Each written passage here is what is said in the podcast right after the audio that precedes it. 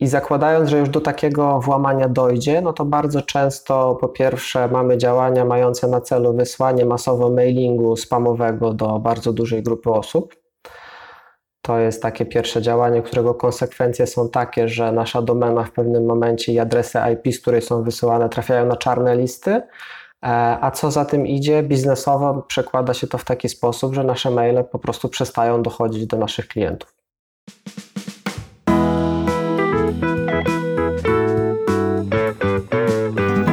Dzisiejszego odcinka dowiesz się, w jaki sposób zadbać o serce Twojej obecności online, czyli Twoją stronę www. Jest to odcinek adekwatny, niezależnie czy dopiero planujesz zbudować swoją stronę www, czy już ją masz i chcesz ją zoptymalizować. Nie przedłużając, zapraszam do wywiadu. W dzisiejszym odcinku podcastu znowu mamy gościa. Po tym, jak bardzo podobały Wam się spotkania z Jarkiem Kuśniarem i Szymonem Słowikiem, po tym, jak dostałam wiele wiadomości o tym, że te odcinki były bardzo praktyczne, że dużo dostaliście konkretu i wiedzy, postanowiłam kontynuować temat i dzisiaj mam nowego gościa, Patryk Kozioł. Cześć Patryk, no to powiedz naszym słuchaczom kilka słów o sobie. Cześć, ja nazywam się Patryk Kozioł, jestem przedsiębiorcą od lat blisko 12.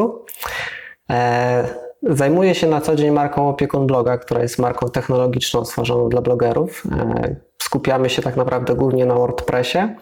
E, zapewniamy blogerom wszystko, co jest potrzebne do działania, a także do dalszego rozwoju, łącznie z platformą do kursów, sklepami online, hostingiem czy domenami. Okej, okay, czyli ktoś, kto może zupełnie na początku nieprofesjonalnie, w sensie profesjonalnie, ale jeszcze nie, nie biznesowo zacząć z pasji pisać jakieś e, artykuły, prowadzić bloga, może później z tego zrobić sobie biznes. Dokładnie. Ogólnie bardzo dużo osób, znaczy bardzo dużo to może przesada, bo tutaj tak naprawdę panuje troszeczkę zasada 90-10, bo e, umówmy się, że mniejszość jednak osób osiąga taki pułap, żeby móc rozwinąć swojego bloga w kierunku biznesu. Oczywiście mówimy o takim biznesie mm, profesjonalnym, czyli e, takim w momencie, w którym zakładamy działalność gospodarczą i, prowadzimy ją w sposób ciągły, gdzie zakładamy sklep, sprzedajemy produkty online, czy tworzymy kursy, jakieś materiały. Wtedy jak najbardziej tak możemy pomóc e, bardzo kompleksowo w tego typu działaniach. No dobrze, to wyobraźmy sobie, że jestem właśnie takim profesjonalistą, ekspertem w danej dziedzinie. Prowadzę bloga i nie jest to jak oszczędzać pieniądze, e, ale e, mniejszy hit, że tak powiem, to o czym powinnam pomyśleć, jak e, zaplanować ten proces, zanim w ogóle będę sprzedawała, żeby to miało ręce i nogi, było poukładane po kolei, a nie było takim chwiejącym się stołem na, na krótkich nogach. Myślę, że warto tu pomyśleć o dwóch aspektach. E, pierwszym z nich jest bezpieczeństwo, a drugim wydajność. To są takie aspekty, o których sobie przypominamy dopiero w momencie, kiedy coś przestaje działać. E, I niestety dla biznesu ma to często bardzo kiepskie skutki, bo z jednej strony tracimy potencjalnych klientów, jeśli mamy strony sprzedażowe, które w przypadku na przykład natłoku ruchu przestają działać. Czego byśmy wszystkim życzyli, oczywiście w pewien tak, sposób. tak. E, z drugiej strony mamy, mm, znaczy możemy mieć problemy mm, natury z jednej strony wizerunkowej, z drugiej strony prawnej w momencie, gdy nie zadbamy o bezpieczeństwo tego wszystkiego, co zrobiliśmy. Myślę, że to takie dwa główne aspekty, które się gdzieś tam przewijają. No dobrze, ale co to bezpieczeństwo w praktyce oznacza? E, mówimy tutaj o WordPressie, e, bo generalnie mm, to jest takie narzędzie, które jest bardzo przyjazne na początku i, i rzeczywiście się w wielu aspektach sprawdza. E, jeśli chodzi o WordPressa, to trzeba pamiętać, że mniej więcej statystycznie 80% włamań na strony wynika z zaniedbań. Po prostu. Z zaniedbań związanych z jednej strony z brakiem aktualizacji, co jest najczęstszą przyczyną włamań. E, z drugiej strony z troszeczkę taką beztroską, z ustalaniem haseł, które składają się z e, już nie chcę podawać Duda tutaj przykładów, 1, 2, z jakimi się spotkałem do tej pory. Mniej więcej, mniej więcej tak. E, I to są problemy, które przekładają się w krótkim czasie, ale także w długim czasie na duże kłopoty biznesowe i wizerunkowe. Bo z jednej strony e, możemy stracić zaufanie, bo jeśli mm, w wyniku ataku na przykład wyciekną dane, no to wizerunkowo jest to na pewno e, nic dobre, dobrego dla takiej działalności. E, z drugiej strony, jeśli przez dłuższy czas zaniedbujemy tego typu rzeczy i do włamania faktycznie dojdzie, to może się okazać, że nasza strona, na przykład w przeglądarce Chrome, świeci na czerwono i tak naprawdę nikt nie może na nią zupełnie wejść. E, no i to są takie kwestie, o których się pamięta dopiero jak coś się zdarzy. Mhm. To ja, ja, jak teraz opowiadasz o tym, przypomniała mi się sytuacja e, Artura Jabłońskiego sprzed trzech tygodni. E, sprzedawał mhm. on kurs online o reklamach na LinkedInie. E, I w pewnym momencie dostałam od niego, od niego maila, że ktoś mu się włamał na stronę i ta strona sprzedażowa została zhakowana mhm. w dniu dokładnie sprzedaży tego kursu. E, nie było tam mhm. powiedziane, dlaczego tak się wydarzyło, czy to, nie wiem, złośliwa konkurencja, czy ktokolwiek inny. Natomiast mm, ta sytuacja pokazuje, że to praktycznie może przydarzyć się każdemu. I co zrobić, się, co zrobić żeby przez, przed czymś takim się zabezpieczyć? E, więc tak, mm, na pewno należy zwrócić uwagę na systematyczność. Systematyczność w kontekście aktualizacji. E, co do zasady, sam WordPress jest systemem bezpiecznym. E, bardzo często wychodzą aktualizacje, które, jeśli się jakieś dziury pojawią, to, to zostają załatane. E, no, minusem na pewno WordPressa to, że jest bardzo powszechny i bardzo znany, co niestety nie jest e, plusem w kontekście bezpieczeństwa, bo jeśli jakaś dziura się pojawi, to niestety wiedzą o niej wszyscy i są w stanie to bardzo często szybko wykorzystać. E, na pewno aktualizacje mm, na pewno dbanie o to, co w ogóle instalujemy, jeśli chodzi o system. Na pewno nie instalujemy żadnych wtyczek czy szablonów ze źródeł, które nie są mm, w jakiś sposób weryfikowane, czyli jeśli to nie jest oficjalne repozytorium WordPressa, jeśli to jest po prostu jakaś strona, którą gdzieś tam znaleźliśmy, e, warto zweryfikować, kto wydaje taką wtyczkę, warto zweryfikować, czy jej jakość faktycznie jest w jakikolwiek sposób pod tym względem sprawdzana. Oczywiście dla tych użytkowników, którzy są troszeczkę bardziej zaawansowani, są specjalne wtyczki, które umożliwiają e, w wielu aspektach dodatkowe zabezpieczenie tego, co e, WordPress oferuje. E, mają też skanery, które umożliwiają sprawdzanie, czy przypadkiem jakieś pliki nie są zainfekowane. I tak naprawdę, gdyby to wszystko podsumować, to. Mm, to trochę takie zainteresowanie się tematem, myślę, byłoby istotne.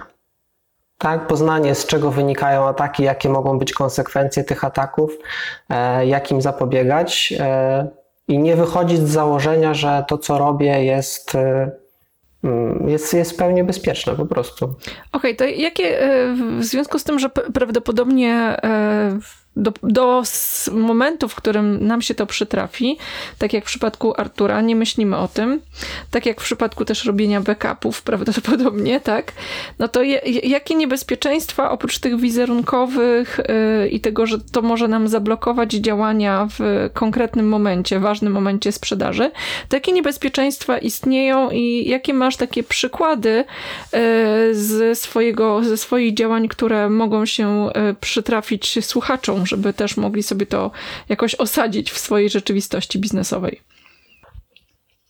Wachlarz tak naprawdę jest dosyć szeroki, dlatego że z jednej strony bardzo często jakiś czas temu mm, wszystkie włamania były wykorzystywane do tego, żeby robić z użytkowników górników i kopać e, kryptowaluty. Teraz to już jest trochę mniej opłacalne z różnych względów, więc mm, trochę jest mniej tych przypadków.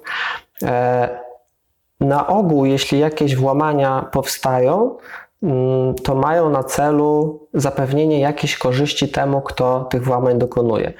Tu też musimy zwrócić uwagę na to, że to nie jest tak, że ktoś fizycznie, sam osobiście wchodzi na naszą stronę i próbuje po prostu wpisać login i hasło, e, tak jak mu gdzieś tam coś, coś wpadnie do głowy.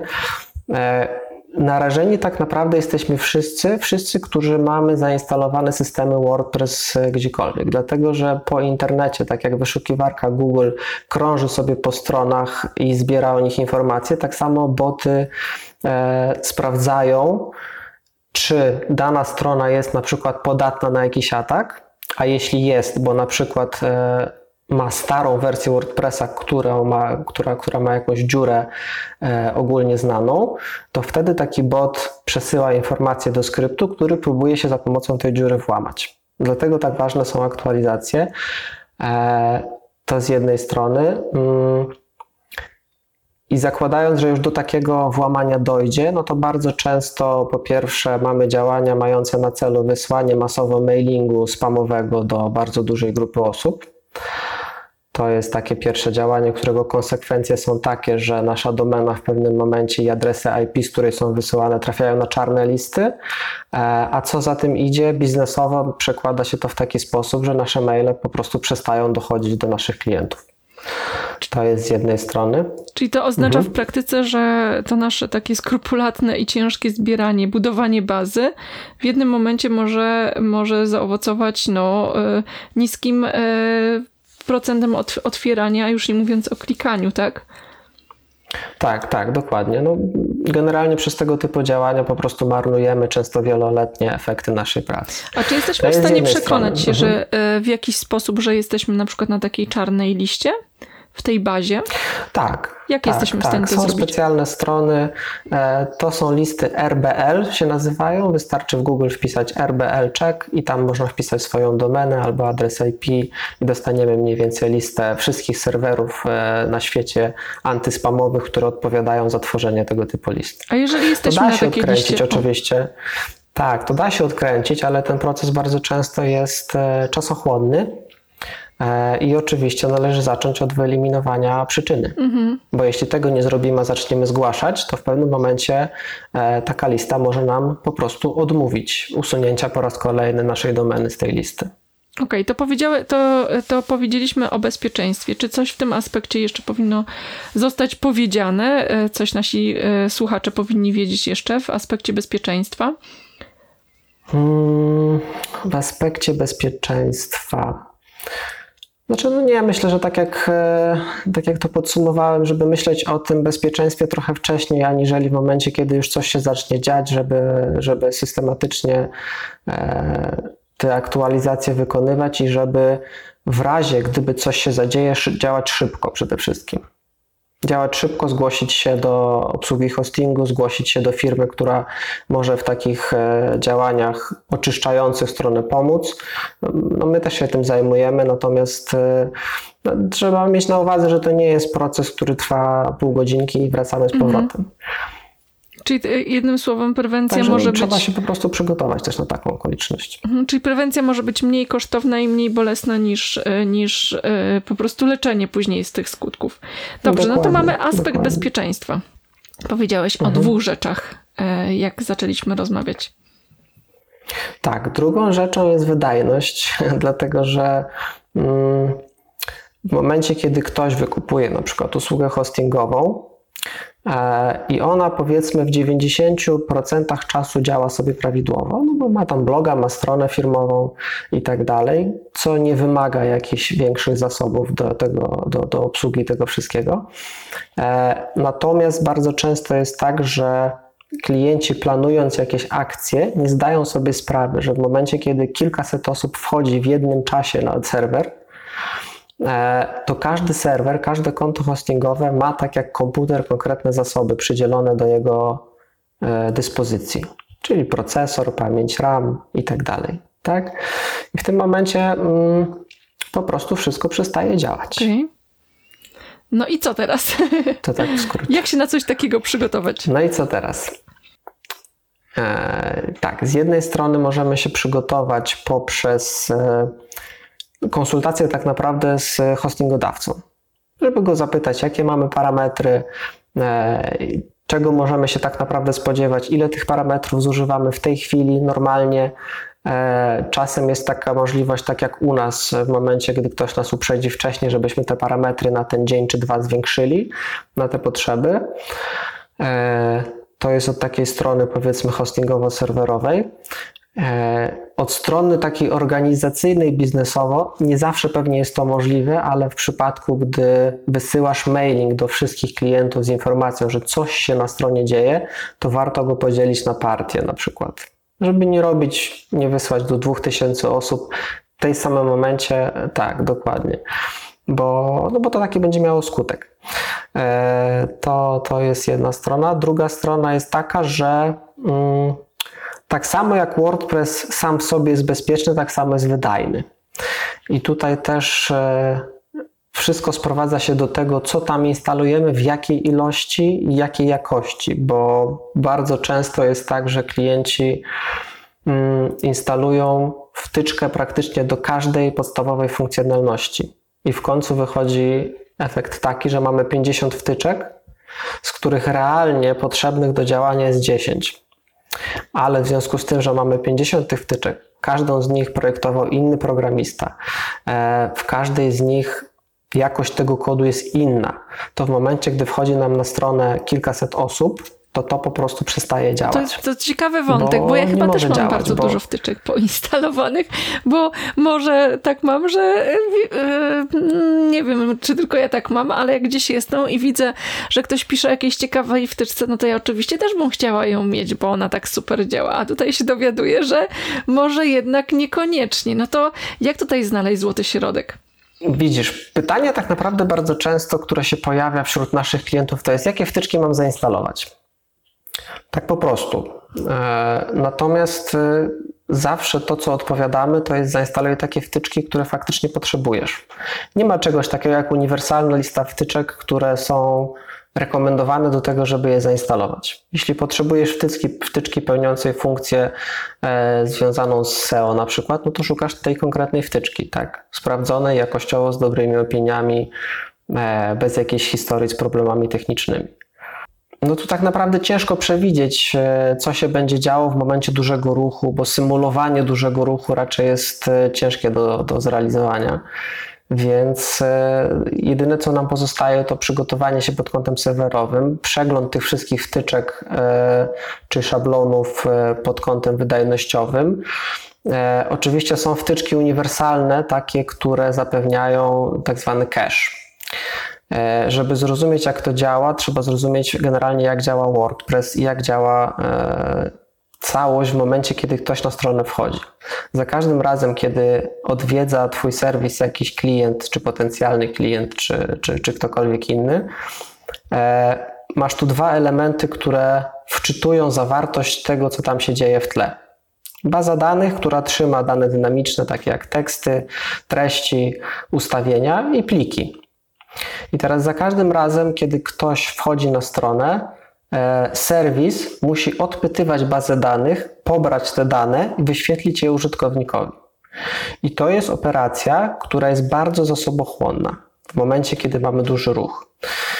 I teraz wtyczki, e, które służą do cache'owania, takie jak W3 Total Cache, WP Super Cache, LS Cache, jest tego mnóstwo, mają służyć temu, żeby stworzyć e, pliki statyczne z tymi danymi z bazy danych i wyświetlać je z pominięciem bazy danych.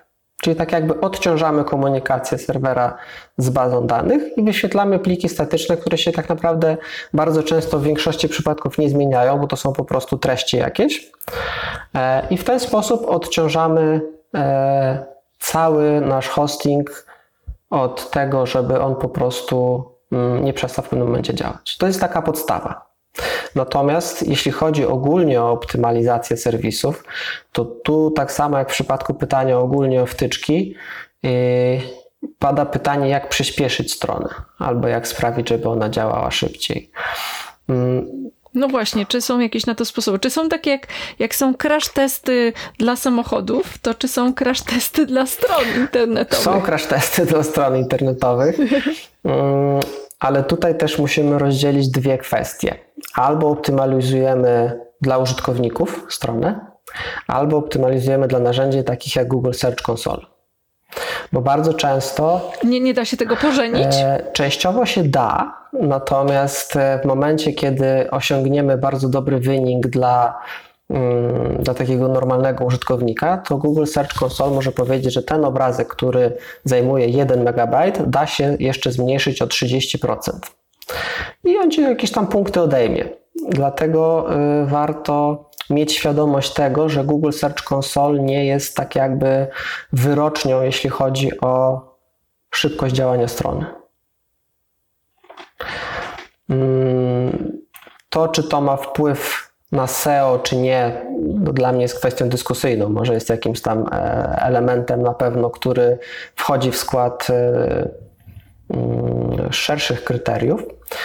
E, natomiast Google Search Console jest trochę mm, ciężko czasem współpracować, dlatego że jeśli ten przykładowy obrazek z 1 MB sobie zminimalizujesz do 100 KB, załóżmy, i wrzucisz go z powrotem na serwer, ale sposób kompresji się na przykład narzędziu nie spodoba i pokaże ci, że ok, tamten miał 1 MB, ale e, mogłaś go zmniejszyć jeszcze o 30%, a ten ma 100 KB, ale tak naprawdę sposób kompresji sprawia, że można, mogłabyś go zmniejszyć o 40%, to może się okazać, że ten wynik wyjdzie ci jeszcze gorszy mimo że 10 razy zmniejszyłaś obrazek. Dlatego też z, z, dużą dozą dystansu trzeba podchodzić do tego, co, co, co, co, co Google PageSpeed Insights pokazuje. E, natomiast e, ogólnie rzecz ujmując, zaczynamy zawsze od analizy. Mm, jest każda strona inna, każda strona ma inne potrzeby. Są specjalne narzędzia analityczne, takie jak GTmetrix, które pokazują e, pod kątem technicznym, co po kolei się wczytuje i ile czasu zajmuje dany element, żeby się mógł wczytać.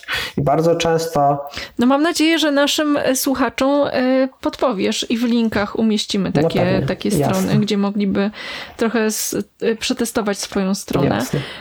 I fajnie mówisz o tym, że, że są różne, różne podejścia, więc nie ma, nie ma jednego rozwiązania. No to po, przejdźmy przez te strony i, i porozmawiajmy trochę głębiej o tym. Są różne podejścia, są różne narzędzia.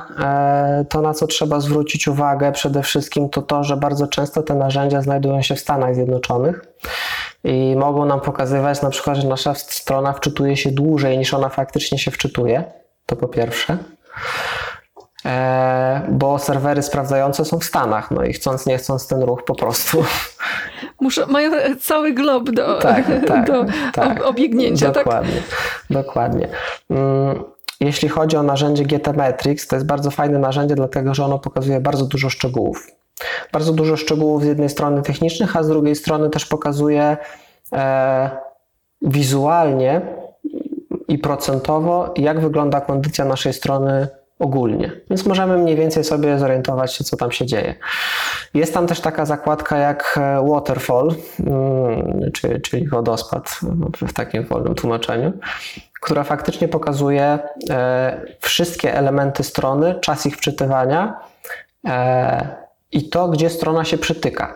Bardzo często w optymalizacjach, które robimy, okazuje się, że na przykład e, szablon jest w porządku, wtyczki są w porządku, ale w pasku bocznym jest e, widget do Facebooka, e, który tak naprawdę czeka parę sekund na to, żeby się wczytać i opóźnia wczytywanie całej reszty.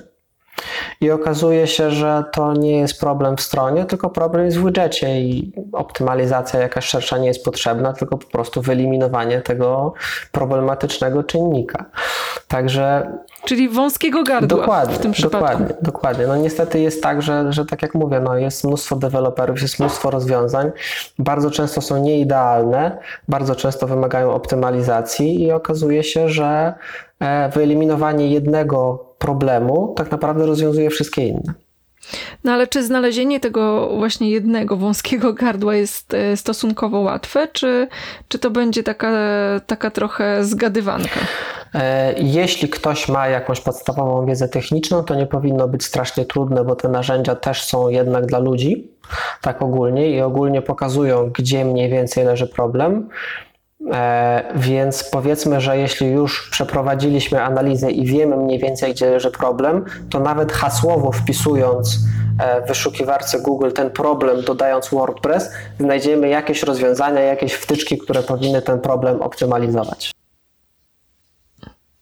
A czy możesz powiedzieć o jakichś największych błędach, które, może nie największych, najczęstszych błędach, jakie popełniają przedsiębiorcy w kontekście właśnie swoich stron? E, coś, co nasi słuchacze mogliby pomyśleć, o, no to ja mam podobnie, albo planuję i muszę na to uważać. E, znaczy, ja bym chętnie opowiedział o tym, jak na początku ludzie podchodzą do tego, bo to jest bardzo ciekawe. Bardzo często w momencie, kiedy zaczynamy jakiś biznes i chcemy stworzyć stronę, chcemy stworzyć sklep czy bloga, e, to według mnie dużym problemem na początku jest to, że bardzo dużą uwagę zwracamy na detale. To, żeby ta czcionka była taka, żeby ten kolor był taki, żeby ten element był 3 piksele przesunięty w dół, i oczekujemy tego, że użyteczność tego serwisu będzie już na dzień dobry odpowiadała oczekiwaniom czy potrzebom naszych klientów. Natomiast ja zawsze tłumaczę klientom, że w kontekście użyteczności to tak nie działa, że tak naprawdę proces, jaki jak powinien według mnie wyglądać w tworzeniu strony na przykład, to jest przede wszystkim określenie jej celu, czy to jest strona sprzedażowa, wizerunkowa, czy, czy jakakolwiek inna, określenie ścieżek E, jakie byśmy chcieli, żeby dany użytkownik na tej stronie wykonał. I przyjęcie założenia, że wystarczająco dobrze na tym etapie będzie w porządku. Mm, żebyśmy nie dożyli do, mhm. do okay, ideału. no to jest świetny wątek. Tak. To jest świetny wątek, bo ja sama jestem przed takim wyzwaniem, żeby zmienić stronę. I pewnie popularny motyw, dlatego że mam stronę związaną ze swoim e, nazwiskiem, a bardzo dużo jest teraz stron, gdzie domena to jest imię i nazwisko. Czyli co myślę o stronie i przede wszystkim zastanawiam się, co ta strona ma mi zrobić, uh mhm, -huh, tak? Uh mhm. -huh. Tak, od, tak, czy od tego sprzedawać, czy tak. mam nie pokazywać? Czy ma być taką moją wirtualną wizytówką? No dobrze, a e, kiedy już, e, już to wiem, to co to znaczy zaplanować ruch, e, ruch odbiorcy na stronie? Jak ja mogę to zaplanować? Myślałam, że to się robi na odwrót, to znaczy robię stronę, patrzę, gdzie ludzie chodzą, a później usuwam te miejsca, po których nie chodzą, tak, tak, jak, tak. jak te ścieżki Dok przed dokładnie blokiem. tak jak mówisz, natomiast mm, chodzi o to, że na początku przyjmujemy ogólne założenie tak ogólne założenie, że chcemy, żeby ta strona była stroną informacyjną, a naszym celem jest to, żeby ktoś przeszedł do zakładki kontakt i się z nami skontaktował. Więc ustalamy sobie ścieżkę taką, e, dajemy odpowiedni call to action e, i, i tak naprawdę powiedzmy, że ten pierwszy etap mamy gotowy. To, co jest ważne, to to, że po pierwsze nie wychodzimy z założenia, że wiemy, co nasi klienci chcą i tak jak mówisz, kolejnym etapem to jest analityka. Czyli instalujemy odpowiednie narzędzia, które pokazują nam, jak użytkownicy po tej stronie się poruszają, gdzie klikają, gdzie nie klikają w ogóle, czy na stronie głównej schodzą do 50%, czy do 80%, czy tak naprawdę w ogóle tą stronę główną pomijają. I na tej podstawie dopiero po kilku tygodniach, czy nawet miesiącach wprowadzamy odpowiednie korekty. I wtedy możemy mówić o tym, że serwis będzie przyjazny i użyteczny użytkownikom. A jak ktoś na dzień dobry chciałby e, chciałby stworzyć stronę, która już na etapie projektowania, w momencie kiedy nie wiemy tak naprawdę, jak ten użytkownik będzie się zachowywał, bo specyfika użytkownika w zależności od branży może być różna, to ja zawsze tłumaczę, że w mojej opinii tego się nie da zrobić, no bo jaki specjalista by nie był, on będzie bazował na jakichś ogólno przyjętych e, zasadach projektowania. One mogą się sprawdzić, nie muszą, tak? Bo każda sytuacja jest po prostu inna i trzeba ją rozpatrywać indywidualnie, sprawdzać Google Analytics, zobaczyć, co się klika, co się nie klika i na tej podstawie decydować dalej. Czyli rozwijać się cały, no cały właśnie, czas. powiedziałeś o,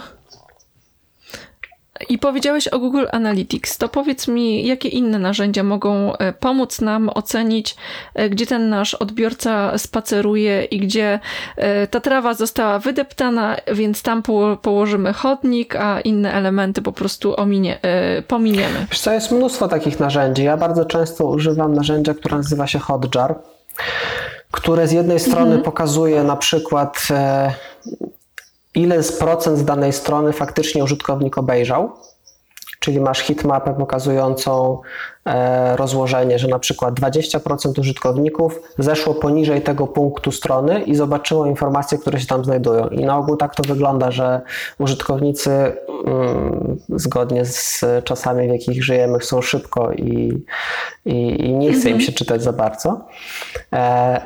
E, Albo denerwują się, kiedy są y, na stronie Tak. i ta strona odpowiednio się nie ładuje, Mhm. albo nie mają od razu tych informacji, których szukają, prawda? Dokładnie, dokładnie. E, To narzędzie jest o tyle fajne, że ono tak naprawdę może nagrać nam ruch myszki użytkownika.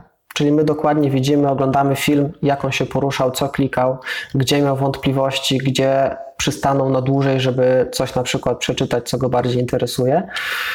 E, To jest czasochłonne, na pewno, e, ale też mm, może w znacznym stopniu usprawnić to, jak te informacje przekazujemy i pozwolić nam osiągnąć jakiś tam cel. Oczywiście e, to się będzie różnić w zależności od tego, czy to jest sklep, czy to jest strona. Mm, Natomiast tutaj bardzo fajnym przykładem jest e, Michał Sadowski, który bardzo mocno e, siedzi w tego typu rozwiązaniach. On analizuje tak naprawdę każdy ruch użytkownika, też bardzo często chwali się tym na swoich kanałach i pokazuje, że na przykład mm, zmiana formularza zapisu z takiego na taki przyniosła nam wzrost konwersji o 20%. Przykładowo. I to są naprawdę e, elementy, które mogą poprawić i sprzedaż, poprawić też e, mm, tak naprawdę przekazywanie tych informacji, których chcemy. A a bardzo często jest tak, że jeśli tworzymy jakąś stronę, to ją tworzymy, bardzo dużo czasu poświęcamy na to w pierwszym etapie, a potem o tym zapominamy. I to sobie żyje swoim życiem, tak naprawdę nikt nie sprawdza, co tam się dzieje. E, no, każdy ma jakieś e, swoje priorytety. Może dlatego, że jak już jesteśmy, tak w końcu zrobimy tą stronę, się męczyliśmy tyle, to już chcemy już nie wracać więcej do tego tematu.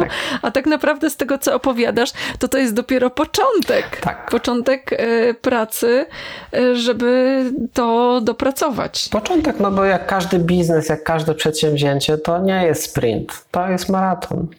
Po prostu. Okej, czyli mamy, mamy e, już teraz trzy elementy.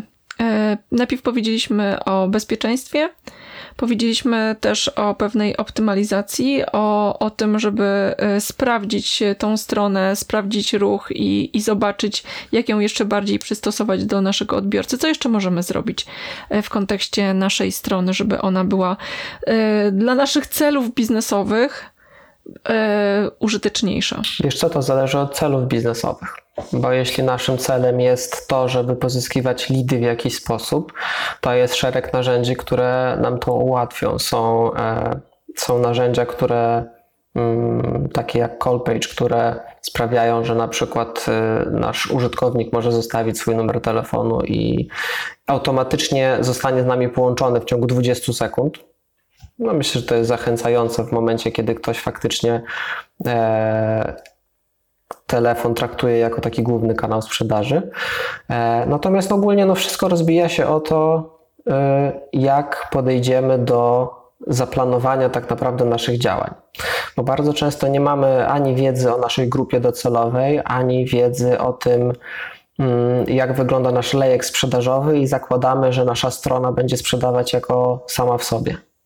A tak naprawdę yy, od lejka sprzedażowego wypadałoby opracować cały proces, który, w którym tak naprawdę końcowym etapem gdzieś tam będzie, będzie ta nasza strona. Mhm. Albo przynajmniej gdzieś na dole tego lejka, nie? Albo E, A później dopiero jakaś Tak, sprzedaż czy konwersja, Tak, tak, no, tudzież cze- kontakt z nami. Cze- tak, często założenie jest takie, że, że strona w zupełności wystarczy, a yy, no, tak naprawdę strona bardzo często sama w sobie no, niewiele zdziała. Narzędzi jest mnóstwo. Jest, jest kilkadziesiąt tysięcy wtyczek do WordPressa, które usprawniają wiele procesów, natomiast no, ja też jestem daleki od tego, żeby sugerować jakieś konkretne rozwiązania w momencie, kiedy nie wiemy, jaki jest cel yy, i nie wiemy, kim jest nasz klient. Bo co z tego, że, że ja zasugeruję trzy wtyczki, które marketingowo na przykład wspomagają sprzedaż, w momencie, kiedy te trzy wtyczki zupełnie rozminą się z tym, jaka jest nasza grupa docelowa i jak ona się porusza po tej stronie i czego szuka.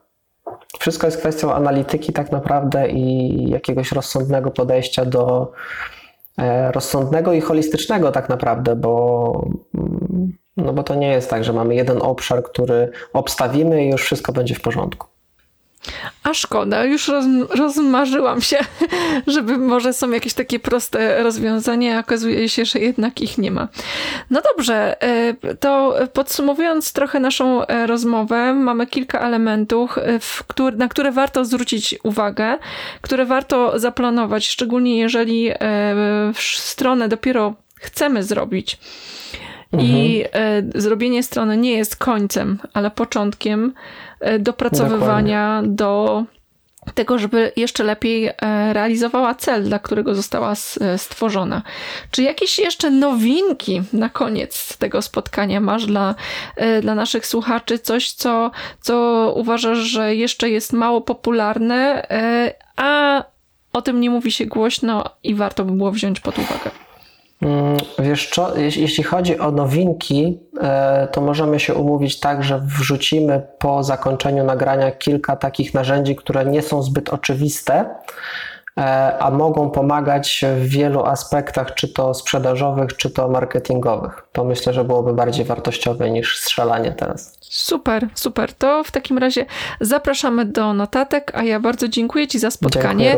Świetnie uzupełniłeś e, nasze wcześniejsze spotkania w kontekście optymalizacji naszych działań biznesowych, e, online'owych i tego, żeby nasza marka naprawdę była silna te działania, które podejmowały, podejmu, podejmujemy, sprawdzały się w praktyce. Dzięki bardzo. Dzięki. Wejdź na stronę i sprawdź całą listę narzędzi, które przygotował Patryk, aby Twoja strona była bardziej wydajna, szybka i przyciągała uwagę Twojego idealnego klienta. Dodatkowo zachęcam Cię do odsłuchania dwóch innych wywiadów, które są częścią większego cyklu, a mamy już wywiad z Jarosławem Kuźniarem, który opowiada, jak angażować odbiorców, kiedy tworzysz treści w internecie, oraz Szymon Słowik, który opowiada o tym, jak treści tworzyć, żeby wysoko pozycjonowały się w Google, i to są odcinki 21 i 22 podcastu Silna Marka w Praktyce. Ja już się żegnam. Jak zawsze będę wdzięczna za każdy odzew z Twojej strony. Komentarz, recenzja w iTunes to jest to, co powoduje, że ten podcast będzie jeszcze lepszy i Ty będziesz miał z tego większą korzyść. Do usłyszenia.